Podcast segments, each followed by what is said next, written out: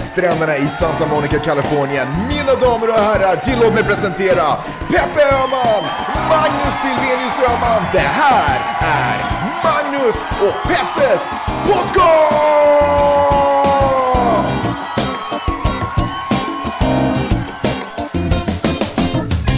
Enligt The National Enquirer så ska tydligen Brad Pitt ha varit väldigt våldsam mot Angelina Jolie och eh, barnen.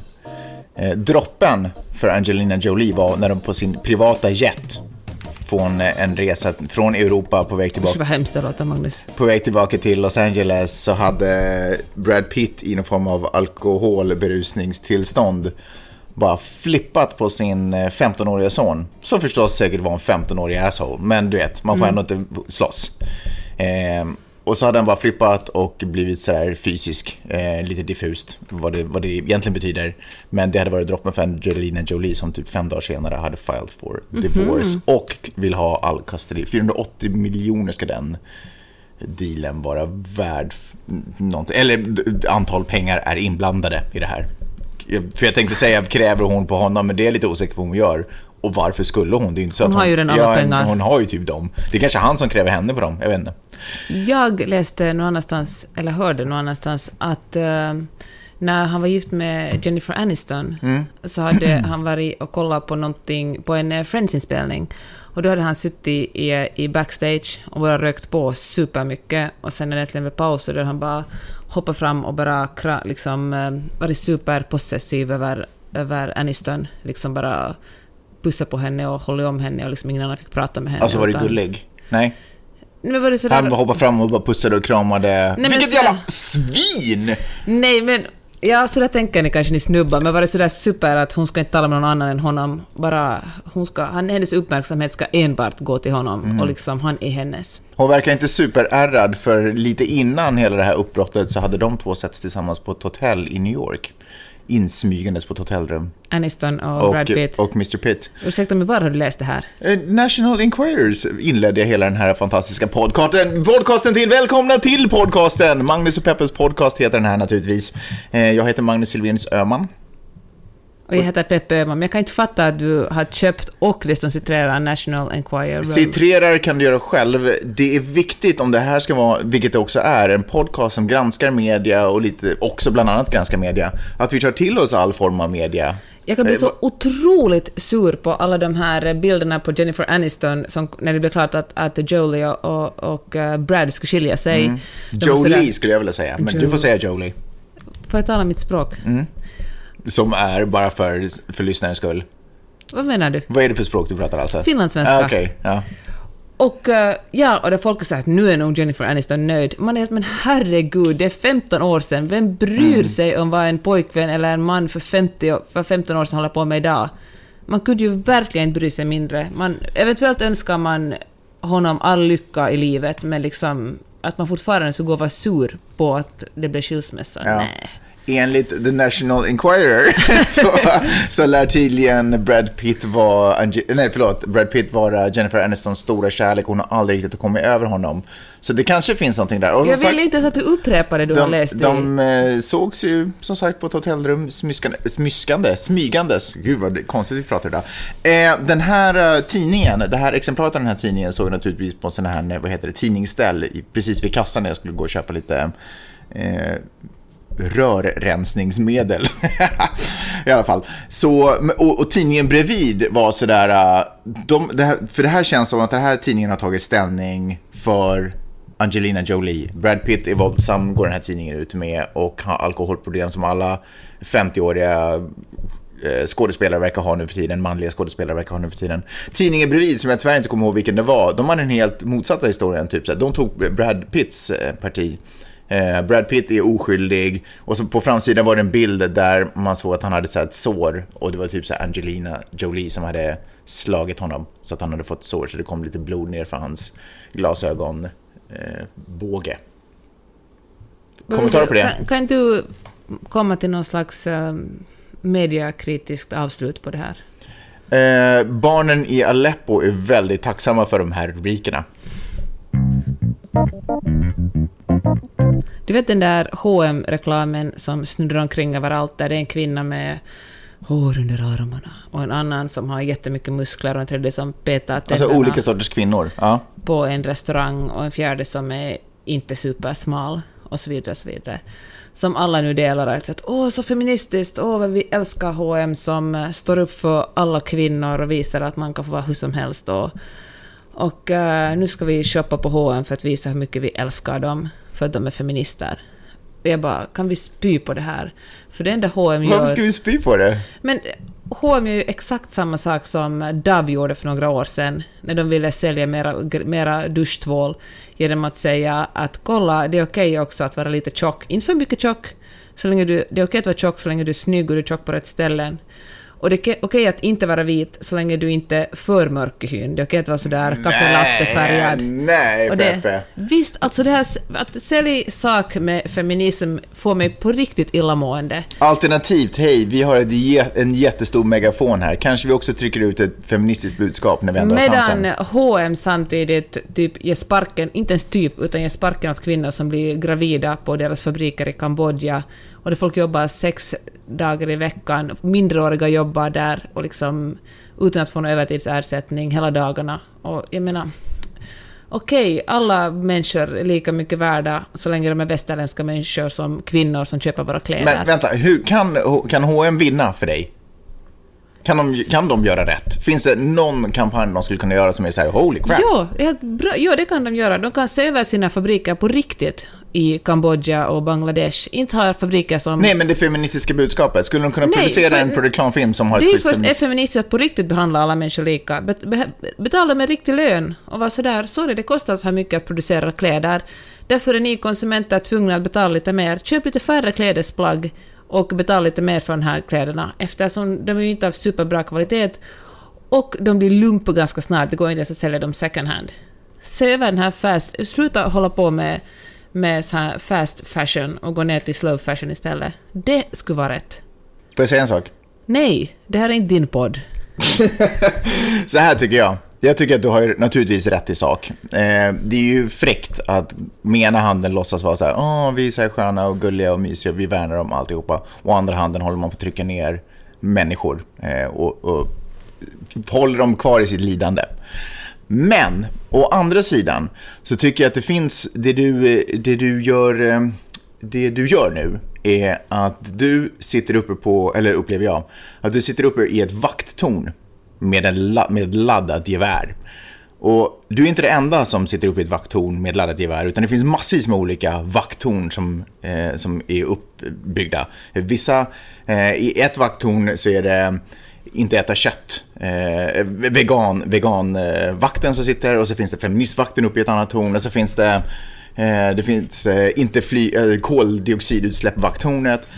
Och samtidigt som vi är lite människor nere på, på marken. H&M med den här lilla stackars människan. Men, men företag kan också vara en del av det här. Men, men, men, men jag tycker att det finns här, man försöker navigera mellan de här vakttornen. Det sitter alltid uppe någon jävel och har sikte på en och skjuter på en. Vad man än försöker göra. Man försöker sådär gå på den smala stigen, man försöker välja, plocka de rätta blommorna på den där ängen. Men så sitter det någon där uppe, det är alltid någon som Men har sikte på en. de liksom. rätta blommorna är ju helt enkelt att behandla människor Jo, som jag människor fattar. i sina fabriker och säga okej att konsekvensen blir att eh, ni kanske tjänar lite mindre pengar eller gud förbjuder konsumenterna måste betala Mm. jag lite mer för sina I det kläder. här fallet- Men är inte ganska kristallklart? Jo, absolut. Du har helt rätt. I det här fallet så snackar vi ju liksom... Exemplet du tog var ju H&M och H&M gör en, en liksom ett feministiskt försök. Eh, du ser det rent cyniskt som att det här är bara ett sätt för dem att använda feminismen i att sälja klädesplagg. För de är inte egentligen intresserade av feminism, för de uppenbarligen behandlar kvinnor superilla i fattiga länder. Ja, i H&M's fall helt korrekt. Men jag tycker ändå att det här visar, det här är också ett exempel på att vad man än gör, om man försöker göra de små, vilken feministiskt försök man än försöker göra där nere på marken så är det alltid någon jävel som har skottpengar på det, skottpengar på en. För att även fast jag gjorde något feministiskt så råkade det vara i samband med att ett flygplan figurerar, då, är det koldioxidfaktorn som skjuter ner en. Eller, samtidigt Fast så är det jag tycker kött... man måste skilja ganska noga också åt företag och privatpersoner. Ja, men kan Eller folk bara någon- sluta eller- sikta på en hela tiden? Allting man säger så är det hela tiden resulterar i ett skott i pannan Men på något sätt. klart man ska kunna syna multinationella företag som tjänar enormt mycket pengar på att utnyttja människor. Det är Mm. klart man ska syna dem. Det ska vara oförskämt att inte syna dem. Ja, men okej, jag fattar. Kolla här. Vad, vad, liksom... Om de kände... Det, deras business är ju att sälja kläder. Det är ju deras business, det är det de gör. Kan de inte få göra en reklamfilm som ändå har ett litet schysst budskap i det? Det ingenting vi säger eller gör kommer ju få dem att sluta sälja kläder. För det är det de vill göra. Och sen så är det klart att de borde se över sina inre rutiner och alltihopa. Men Du reklamfilmen... kan se över dina inre rutiner. Men, interna rutiner. Men, men reklamfilmen som sådan hade ju inte ett negativt budskap. Men hur kan du... En annan sak som lite tangerar det här är att de samtidigt tar bort sina, sina plus-size-kollektioner från butikerna. Men tänk om den som hade kommit på reklamfilmen var en feminist som tänkte så här, fan nu ska jag passa Alltså på. det, är, det är en reklambyrå i Stockholm. Ja, men det kan finnas feminister på dem också. Men du kan ju inte skilja det från... Du kan ju inte skilja den här reklamfilmen, för det, det, det gör ju bara H&M ännu mer lönsamt. Om ingen någonsin ifrågasätter det de håller på med i sina fabriker, eller överhuvudtaget det här, den här trenden att man ska köpa nya kläder hela tiden, som ju är ett jättestort problem för miljön. Men du brukar Om man skiter i människovärdet, så det liksom, men ändå bryr sig om miljön, Mm. så kan man ju se det på sånt sätt också. Genom den här reklamen får folk ett alibi, men H&M är ju feministiska. Sant. Då får jag en orsak att köpa hos dem och inte hos någon annan billighetskedja. Också sant, men du brukar bli, alltid bli sjukt frustrerad över folk som håller på att hacka på, försöker lyfta fram vad, alla fel du gör när du försöker Men ha jag en har ingen feminist- multina... Jag, jag gör ju inga fel. Nej, men Nej, men jag skojar. Men in- men ingen människa- Fel. Men det är ju, ingen, det är ju ett företag. Nu, du kan ju Jo, inte sätta föret- företag och människor är inte samma Jo, sak. det är det. Därför att företag är ju ingenting utan människorna som fattar beslut inne i det företaget, eller hur? Det är inte nödvändigtvis samma person som sitter och trycker ner folk i Kambodja som försöker Men det få är en ju samma feministisk vinkel. företag. De måste ju ha en företagspolicy. Jag menar, det är ju inte, det är ju inte två olika människor, två olika personligheter. Men hur utan är, det, hur är det bort ifrån Därför den att det- välmeningen att, att göra en fem- Deras välmening handlar om att sälja mer... Det är ingen välmening, det handlar om att sälja mer kläder. Men för, för det var inte så hemskt länge sedan som det bara De var gör det ju inte av sitt goda hjärta, utan de gör det ju för att folk ska, feminister ska få ett alibi att köpa kläder hos dem och folk ska vara sådär att sprid den här, folk ska ju dela den Mm. som fan den här. Det är ju en jättebra reklam, jag säger ju inte, jag säger att den här reklambyrån är superduktig, men det är ju ett företag som på riktigt inte är intresserad av feminism, de använder ju bara feminister för att Det sälja kanske grejer. de visst är. Det kanske är en ny riktning de håller på att ta, att de visst är intresserade av feminismen. Det här kanske är en del av eh, en utveckling där de också kommer börja behandla kvinnor i Kambodja bättre. Kanske. Kanske de ska börja med det då Benefit och göra en reklam om det. Nu kom det ju alldeles nyligen ut den här boken på Leopard förlag som jag inte kommer ihåg vad den heter, vi talade om den i Mellan raderna-podden, som då verkligen har synat fabrikerna Mm. i, i Kambodja. Och eh, det är ju verkligen otroligt sunkigt. Hur man som 14-åring kan få anställning där och man bara kommer med ungefär en lapp där det står ”jag är 18”. Och Men, liksom, ja, jag det är menar- absolut, det är och där sant. folk jobbar ett enormt mycket övertid, där man liksom får sparken om man kommer liksom för sent. Och jag menar, det, där man liksom verkligen inte har någon trygghet. Fråga, en direkt fråga.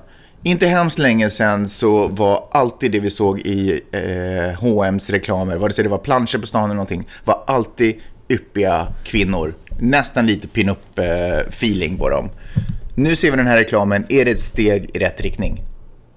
Det är ett steg i att sälja ännu mer kläder, för de fick ju jättemycket kritik för de här Så du ytterligare tycker kvinnorna. de- De är ju ett smart företag, de är helt åh nej, alla kvinnor har inte sådär stora bröst och är sådär jävligt smala. Men hörru, Hur ska vi sälja åt de människorna Politiker som... Peppe, är det här ett steg i budskap till kvinnor? Är det här ett steg i rätt riktning eller inte?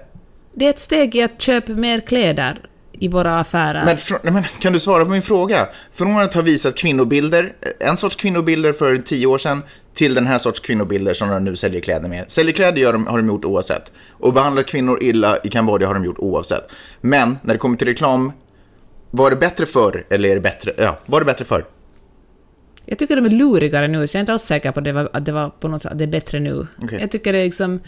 Det, att det är sneakigt att använda feminismen för att sälja mer kläder. Jag tycker det är fult att kidnappa den feministiska ideologin för att sälja mer kläder. Frågor på det? 14 000 saudikvinnor har skrivit på ett upprop och man får resa ut genom landet fritt utan att ha en manlig övervakare. Alltså Saudiarabien. Ingenting kommer, det är ingen som förväntar sig att någonting kommer hända. Men bara det faktum att 14 000 kvinnor har gjort det i ett land som är väldigt måna om Tänk att att... de vågar göra det, sätta sitt namn på en sån lista. Ja, faktiskt. Fattar att vara de här fem första som skrev på listan och bara hoppas att det kommer en massa till. 14 000 är lite jobbigt att börja sådär arrestera allihopa. Men, eh, men folk har ju dött för liknande saker. halshuggna och stenade och allt möjligt. Alltså det där landet, det är ju... Jag, jag, jag tror att jag aldrig riktigt förrän ganska nyligen har fattat hur sjukt det där landet är. Därför att det har så länge varit associerat med eh, någon form av allians mellan USA och västvärlden, så man har tänkt att det varit lugnt. De måste vara snälla. Ja, men, ja, men typ. De måste, de måste ju liksom vara godkända på något sätt. De har fått en liten sån här svanen-stämpel, ish. Eh, men när man tittar närmare på det så visar det sig att den här svanen var ju dekapiterad. Det var ju inte... Ja, men i alla fall. Så det har... För den skrev på en lista för att få rätta ut ur landet. Nej, men det har verkligen öppnat upp mina ögon på senare tid hur, hur galet det där landet är. Gör inte ditt hemland någon slags vapenhandel med Saudiarabien? Så hela västvärlden gör väl vapenhandel med Saudiarabien. Men vad kan... Alltså det, och det värsta är att man känner, jag känner mig... Men där ser man kapitalet, man kan liksom inte lita på att allt bara styr upp sig själv. Nej. Nu borde alla vapenkonsumenter, enligt din, ditt resonemang, borde ta sitt ansvar och sluta köpa vapen. Nej, Men givetvis! givetvis borde alla vapenkonsumenter sluta köpa vapen. Försökte du sätta dit mig med just det argumentet? Okej, det var faktiskt ett dåligt argument eftersom Sverige väl säljer vapen till Saudiarabien Dessutom. och inte tvärtom. Så det var... Ja, jag ville bara på något bara få dit det, för att jag tycker inte att det här konsumentmakt är så bra. Men, men vi behöver inte tala om det nu. Nej. Eh, Men det som gör mig också väldigt frustrerad är att jag känner mig så otroligt maktlös. Du vet, det finns ingenting, ingen artikel man skulle kunna skriva som skulle kunna få kungahuset i Saudiarabien att vara så här... Ah, herregud, vi har ju haft fel hela tiden och bara ändra någonting. Eh, Den är så totalitär, den här staten, så att det, det finns ingenting... Man kan inte skriva på ett upprop, vi kan inte liksom... Det, spelar, det, känns inte, det spelar ingen roll hur, gång, hur många gånger man skickar kungen dit för att prata och hej, hej, hälsa och tjoa och tjimma. Liksom, det finns ingenting man kan göra för det där landet. Och för människorna som bor i det där landet. Vad skulle du göra om du skulle vara Donald Trump? Believe me, I will take care of that. Är du rädd för Saudiarabien? Alltså jag började bråka med... med En saudier? Med Saudi. Nej men alltså, det är ju inte Saudiarabien utan det är... Alltså en av mina bästa vänner bor i Dubai. Vidars gummor. Ja. Och hon... eh, Och hon, jag menar, Dubai är ju inte ens nära på Saudiarabien, men det liksom lutar sig lite ditåt. Det är liksom ingen fri demokrati, det finns ju ingen fri press där. Och när hon berättar hur hon tycker att, att det är ganska skönt egentligen att uh, media är kontrollerad, för då får liksom för att eh, regimen kan besluta vad som är bra för en att få veta, vad som inte är så bra för en att veta. Blev jag, ju som, jag blev ju jättesur, så vi hade nästan en, en, ett ordentligt gräl här kring det. Och eh, då tänker jag att... eh, ja, alltså, jag vet inte, jag tänker, bara det är otroligt obehagligt. Men jag tänker att man vänjer sig vid det man bor ett sånt, på ett sånt ställe. Kanske. Kanske I- man måste göra det. I Dubai liksom? Ja. ja. Att man tycker att det är liksom det normala, det är lite skönt. Jag Förlåt, tror- vad jag- var din fråga? Jag, jag frågar, jag är är, rädd du- för Saudiarabien. Är du, är du rädd och orolig? Alltså, kolla, alla håller på och tittar och pekar på Nordkorea. Bara, Öh, de är så galna och sjuka där borta och den här ledaren verkar ju helt vrickad, bla bla. Ledsen lite skämt. Saudiarabien är ju exakt samma ställe. Det är ju exakt samma ställe. Det är inte vem som helst som får åka in i det landet och, och ut ur det landet för den delen hur Var som inte så att helst. din farfar jobbade där förresten? Var det i Saudiarabien Jag tror verkligen? faktiskt det. Är det sant? Ja. Ja, jäklar. Någon gång på 80-talet typ. Ja. Eller 70 kanske. Hans jobb var att vakta... Nej, vänta, han övervakade, han var ingenjör, så han överva... eller är ingenjör. Eller ja, ja någonting sånt. Det Så är som han... ett ingenjörsyrke som presidentyrke, när man en gång får den titeln. Ja, ser man alltid det. Nej, men det handlar om någon övervakning av någon bygge där. Ja, men strunt samma, strunt samma. Eh, Men att vi har ett Nordkorea så otroligt Du har det nära. i ditt blod, Magnus. Jag kommer ingenstans i den här. Jag tycker det i alla fall är modigt av de 14 000 kvinnorna eh, som, som eh, vågar skriva på ett upprop i ett sånt, eh, på ett sånt eh, otroligt förtryckande ställe. Och man, du tipsa om den där dokumentären du såg om Saudiarabien? Det, jag tror du tipsade om det där för några veckor sedan, men Mm. Ja, det tåls kanske att jag, jag kommer faktiskt inte ihåg vad den heter nu, men gå in på Netflix och titta på den där. Det är faktiskt det är Gå in på otroligt, Netflix och titta på någonting. det är otroligt skrämmande. Du håller bara på att skämta bort hela min grej. Ja, men berätta, vad har du att säga som är så jäkla viktigt och bra?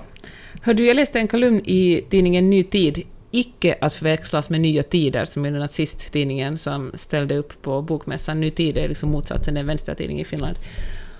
Och det var en kolumn av en man, eller snubbe, en ung man som heter Otso Harju, som då har under de senaste tre åren han bott en del i Indien och en del i Helsingfors. Och så skrev han om hur eh, hur för den finska och säkert överhuvudtaget västerländska medelklassen är viktigt att man reser mycket och skryter om att alla ställen man har varit på. Och, eh, men att man ändå alltid har sin, eh, finländska identitet, eller västerländska, om vi talar nu om Finland, eller han talar om Finland, att sin västerländska identitet väldigt starkt. Att, eh, att det alltid är lite bättre i Finland. Att man säger att sko, vet du, skolsystemet, maten är renare, folk är ärligare och det ena och det andra. Och folk som åker utomlands och bor, han sa nu upp till tio år, men det känns nog väldigt länge, men kanske upp till tio år, fortfarande alltid expats istället för att integrera sig i det lokala samhället och liksom, eh, bli, liksom anstränga sig inte ens för att, för att bli en, vad man nu är, saudiarabier eller amerikan eller eh, thailändare, utan man räknar alltid med att komma tillbaka till hemlandet. Får jag bara säga en sak, att, vi, att expats, det är verkligen vad vi vita kallar oss när vi är utomlands. Alla andra blir alltid kallade för invandrare. Men, Men också... när man är vit och har lite pengar, då är man en expat. Det ja. låter som att man går omkring med en himla sergeanttitel på axeln. Om man är det. Och liksom, det är billigt och lätt liksom att flyga ut och in i landet om man är en expert. Är man en, en invandrare eller man är flykting så är det ju inte lika lätt. Men då tänkte jag, med risk för att låta så här äckligt speciell, att uh, jag, jag skulle inte ha något emot att bli en amerikansk medborgare. Varför då? Eller nej, okej, okay, det är kanske är lite en överdrift. Men jag känner verkligen ingen jättestor fosterländsk kärlek till Finland. Jag, tycker, jag ser förstås att det finns jättemycket bra saker där och otroligt fina människor och socialskydd och bla och liksom skolorna. Vadå bla? Det är ju liksom en av de bästa i världen. Det är ju otroligt viktigt. Ja, Titta har... på hur socialskydd det här straffar en massa fattiga ja, människor. Ja, men det här liksom blir ingen... För utan att göra det här till en tävling liksom om vilket land som är bäst. Men jag känner verkligen ingen... Alltså jag känner en... Jag säger så här, okej. Okay. Jag känner en mindre fosterländskhet än alla andra finländare och kanske svenskar som vi umgås med här. Okej. Okay. Och nu får det här låta för att jag är så himla speciell och världsvan, men det är inte. Men jag vet inte liksom, jag funderar på att kanske det är för att jag är finlandssvensk, för att jag ändå är liksom en minoritet i mitt eget land. Och jag känner att, att som finlandssvensk, det har vi talat om förut också, men som finlandssvensk blir liksom min värld allt mindre i Finland. Och då är det liksom ingen skillnad, då kan jag lika bra vara en minoritet i USA, där alla andra också är minoriteter, och det är liksom mycket hjärtligare välkomnad på många sätt än vad jag är i Finland. Så jag undrar om, om minoritetsstatusen gör att jag blir allt mindre fosterländsk för varje dag som går. Mm. För jag kommer ihåg när jag, när jag bodde Det är utom, ganska ledsamt egentligen. När jag bodde utomlands förut, när jag bodde i, när jag bodde i Buenos Aires eller när jag bodde i, i, i Holland, så då kände jag mycket starkare fosterländskhet. Jag vet inte om, om det har något med åldern att Umgicks du mer med finländare då också? Mindre faktiskt. Mm. Än du gör nu? Ja. Aha. Nu umgås vi ganska lite med ja, Finland. Typ noll. Ja. Men det kanske inte fanns så mycket att välja på andra sidan där. Mm. Men, eh, men ja, då kunde jag liksom försvara Finland i vått och torrt. Och nu säger jag att det finns såklart superbra grejer med Finland, men det finns också saker som är lite mindre bra. Jag känner mig liksom... Jag känner liksom inget behov av att, att... Jag ser det här liksom inte som en period när jag bor utomlands. Jag ser att vi kommer säkert bo här, sen bor vi kanske i Sverige, eller sen bor vi någon helt annanstans, men jag ser liksom inte att jag till slut kommer att åka hem till Finland. Men förlåt, jag missade, vad var kopplingen till kolumnen? Nej, men det var just det här att, att han menar att hur länge, hur länge liksom folk än är borta hemifrån från Finland, så är det vanligaste att man alltid ser sig själv som väldigt stark finländare, mm. att man alltid bara ser det som en expert under en period, mm. och att man alltid räknar med att komma hem. Att det liksom, och, att, och han drog faktiskt kopplingen till att det kanske är därför som vi har så svårt att se på inflyttade, alltså, eller invandrare i Finland, för att man på något sätt alltid ser att man ska höra, man hör hemma i ett land och man kan inte byta land och man ska alltid förr eller senare åka tillbaka till sitt eget hemland. Att vi har liksom inte en kultur där vi integrerar folk. För vi vill inte, vi vill inte själva bli integrerade när vi flyttar utomlands. Mm. Jag har ju underligt nog börjat känna mig mer svensk här faktiskt. Ehm, verkligen mer svensk. Jag tror att det i och för sig beror på att vi umgås med ganska mycket rikssvenskar här. Ehm, men eh, men jag, jag har, för för i Finland så då vill jag känna mig finsk ganska mycket. Det var lite en del av mitt mission på något sätt att få bli connecta med min, min eh, historia, mitt ursprung och sådär och få vara mer finsk. Men, eh, men det har faktiskt ganska mycket runnit av mig och nu har jag börjat känna mig svensk och jag har inga drömmar eller ambitioner om, jag säger inte att det inte kommer ske ändå eftersom det är du som bestämmer, om att bli amerikansk medborgare. Eh, men å andra sidan inga direkta drömmar heller om att flytta hem. Alltså då till Sverige. Hmm. Det är för du är så kameleont. Kanske. Alltså nu vill jag inte att jag drömmer om att bli amerikan, just amerikan. Jag kanske drömmer att jag har mindre längtan till att alltid liksom bära det finlandssvenska arvet, eller fin, finska arvet med mig. Det kommer jag säkert alltid Men har att du, göra. gjort det, har du blivit rotlös alltså på något sätt eller? Men jag känner mig inte så rotlös. Var är dina rötter då? Förstår du vad jag menar? Inte, inte ditt ursprung, utan var är på något sätt, var är du rotad? Nej, jag förstår inte. Vad är det för skillnad?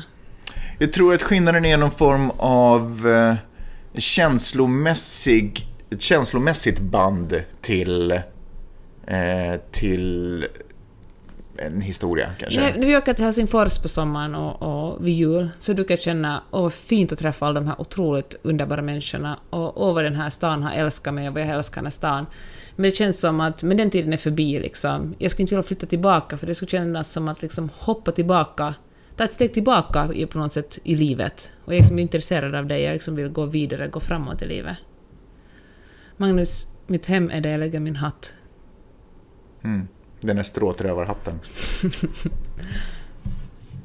Vad mer ska vi prata om? Nu är det din tur. Jag skulle vilja prata om... Äh, vänta, ska jag, hur ska jag prata om det här? Skulle jag vilja prata om det här? Jag tror att jag skulle prata om det här.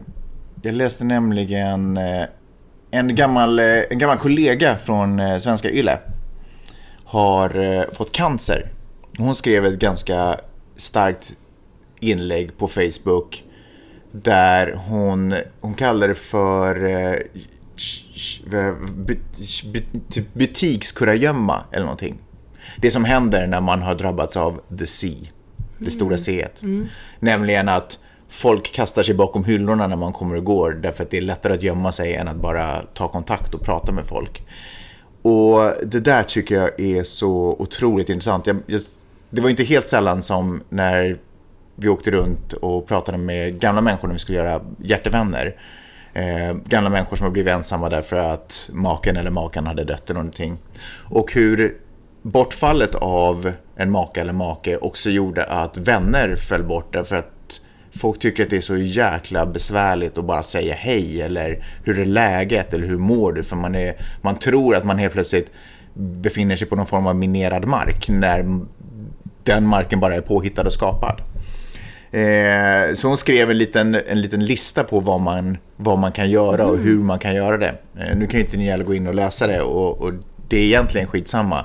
Jag tycker bara det här jag tycker det är så otroligt intressant det här, äh, den här rädslan som vi känner för andra människors olycka. Men kan inte vara det så att, att man helt enkelt blir påmind om att om det kunde hända den här människan kan det hända mig också. Folk vill bara inte tänka i de banorna.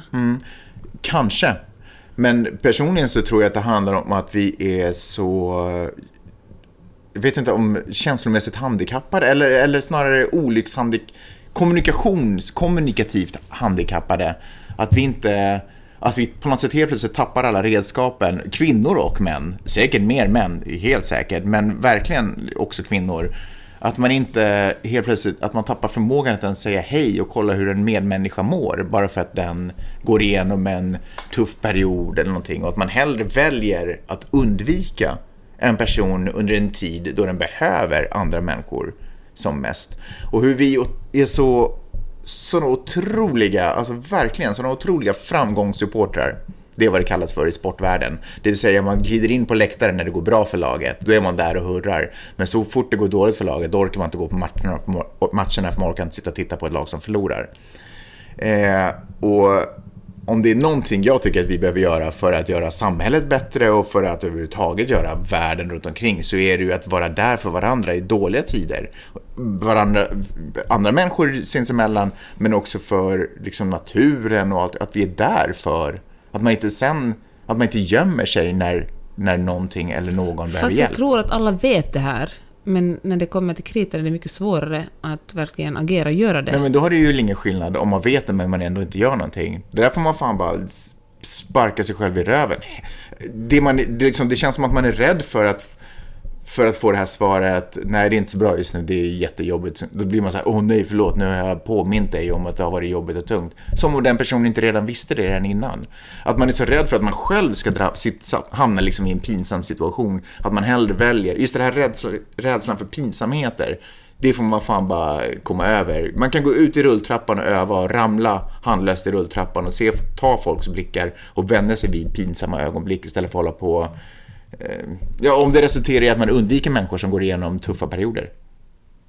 Det var bara det jag ville säga. Har du någonsin känt av det? Har du, känner du igen det där att undvika människor som är i jobbiga situationer? Jag har en kompis vars pappa begick självmord under, eh, när vi gick i gymnasiet. Och, uh, hon på något sätt kommunicerade väldigt tydligt att hon blev jätteglad. Vi var inte speciellt goda vänner före det, vi gick bara på samma klass. Men uh, nej, det måste vara precis efter gymnasiet, för jag kommer ihåg att jag jobbade på, på utrikesministeriet, fast på Skatudden, hon bodde på Skatudden.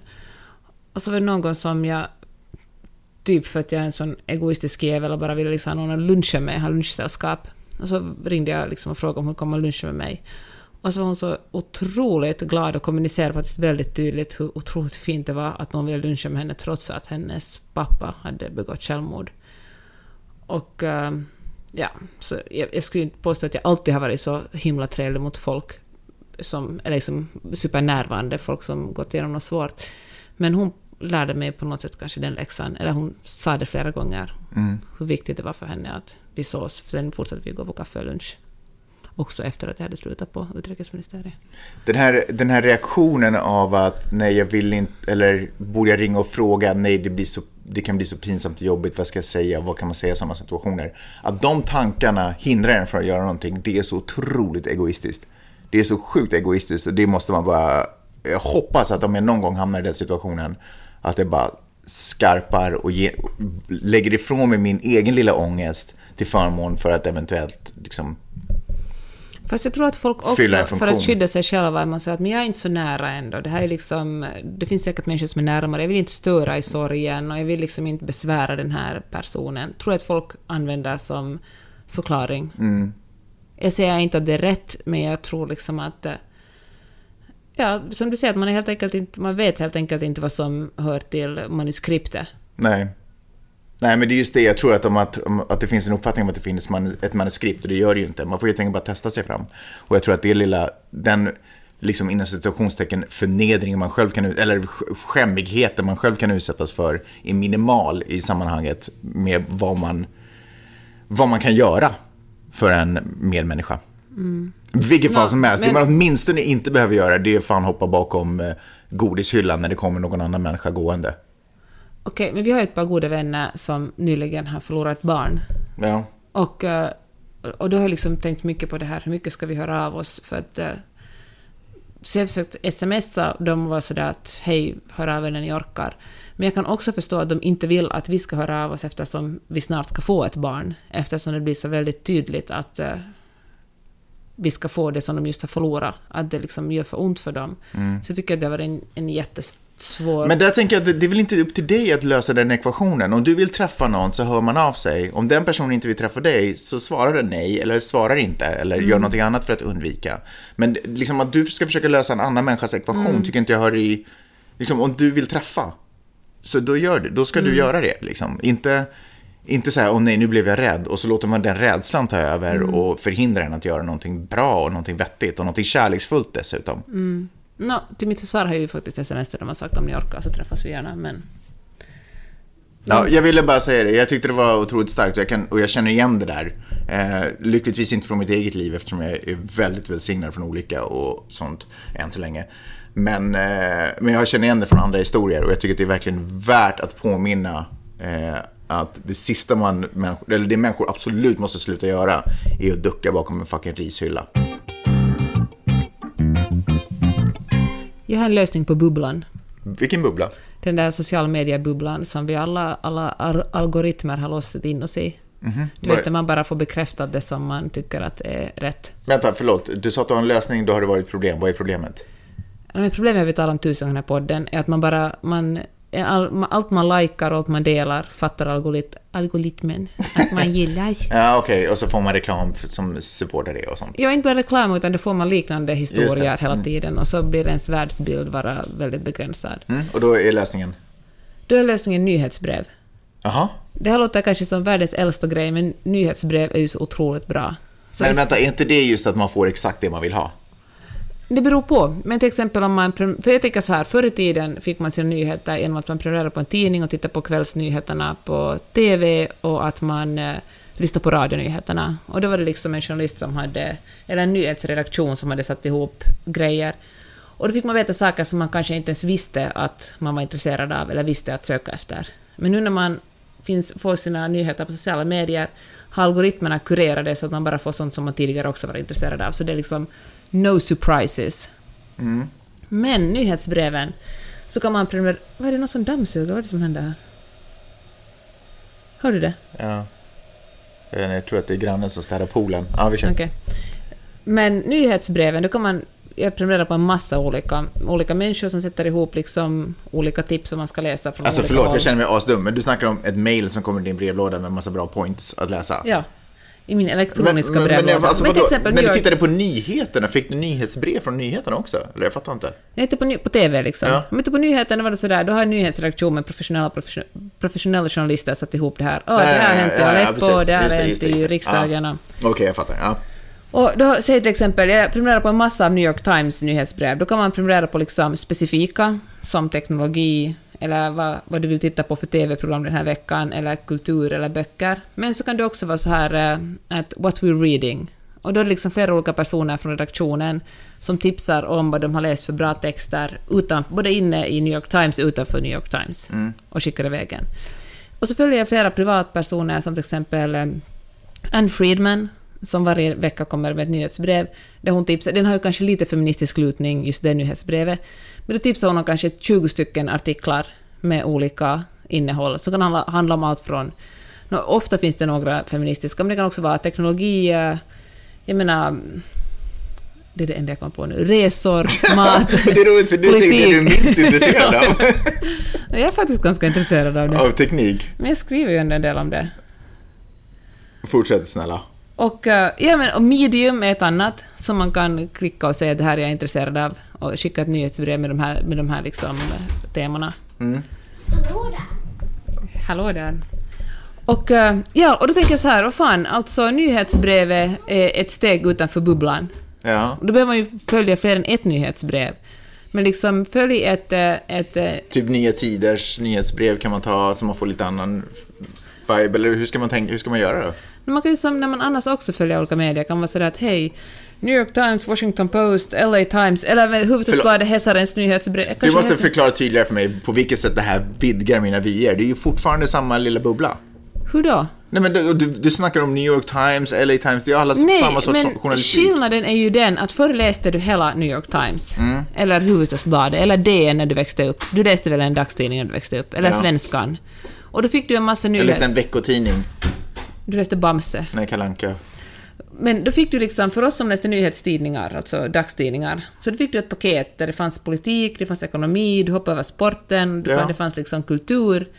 Och då fick du det paketet. Nu i sociala medier så är du kanske inte likar en enda kulturartikel, där får du väldigt lite kultur i ditt nyhetsflöde, eller teknologi, eller Nej, men jag utrikespolitik. fattar den grejen. Men i ett nyhetsbrev, en, en ofta, ibland en, person, en, en privatperson, men ofta är det en nyhetsredaktion som har satt ihop ett, ett, ett paket för dig. Ja. Och var sådär, hej, det här tycker jag att du ska läsa den här veckan.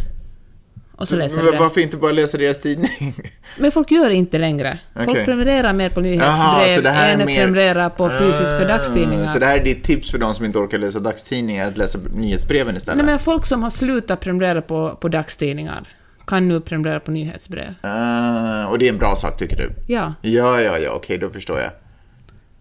Och då kanske man blir intresserad och säger att herregud vad New York Magazine har bra artiklar. Jag tror att... Ofta ja, länkar de ju in till tidningen sen. Men det gör de nästan alltid. Ja, men precis. Och Jag, kanske- jag prenumererar ju faktiskt på New York Times nyhetsbrev och LA Times. Jag har börjat prenumerera LA på... Weekly.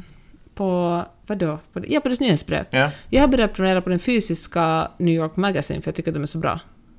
Alltså jag betalar dem. De kommer skicka en tidning hem till mig. När då? Snart. Herregud så spännande. Jag vet.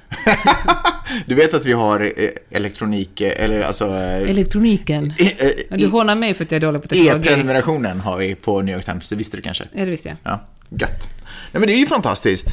Och, men, men det här tänker jag också i och för sig, det här är ju också nu återigen sådär gratis, eh, gratis information som man får. För nyhetsbreven kostar ju ingenting att prenumerera på, eller hur? Nej, det är sant. Men faktiskt... Så det här är ytterligare ett sätt att snika undan att... Så sant. Men då kanske som sagt kanske man kan bli intresserad av att fy fan vad New York Times har bra grejer. jag ska fan börja prenumerera på hela deras tidning. Och det är väl så det som har de- hänt i vårt fall faktiskt. Ja, plu- plus att de kanske då, om de, när nyhetsbreven skjutsar in en till en viss tidning, Mm. så får de kanske lite mer, eh, alltså, vad heter det, pengar genom reklamen, annonserna som finns på den, i den elektroniska tidningen. Tror du att det finns en chans att du kommer beställa på National Enquirers eh, nyhetsbrev? Jag föraktar det för att du köpte den där. Varför då? Det är som att du ska komma hem med Iltalehti. Varför då? Eller Seiska.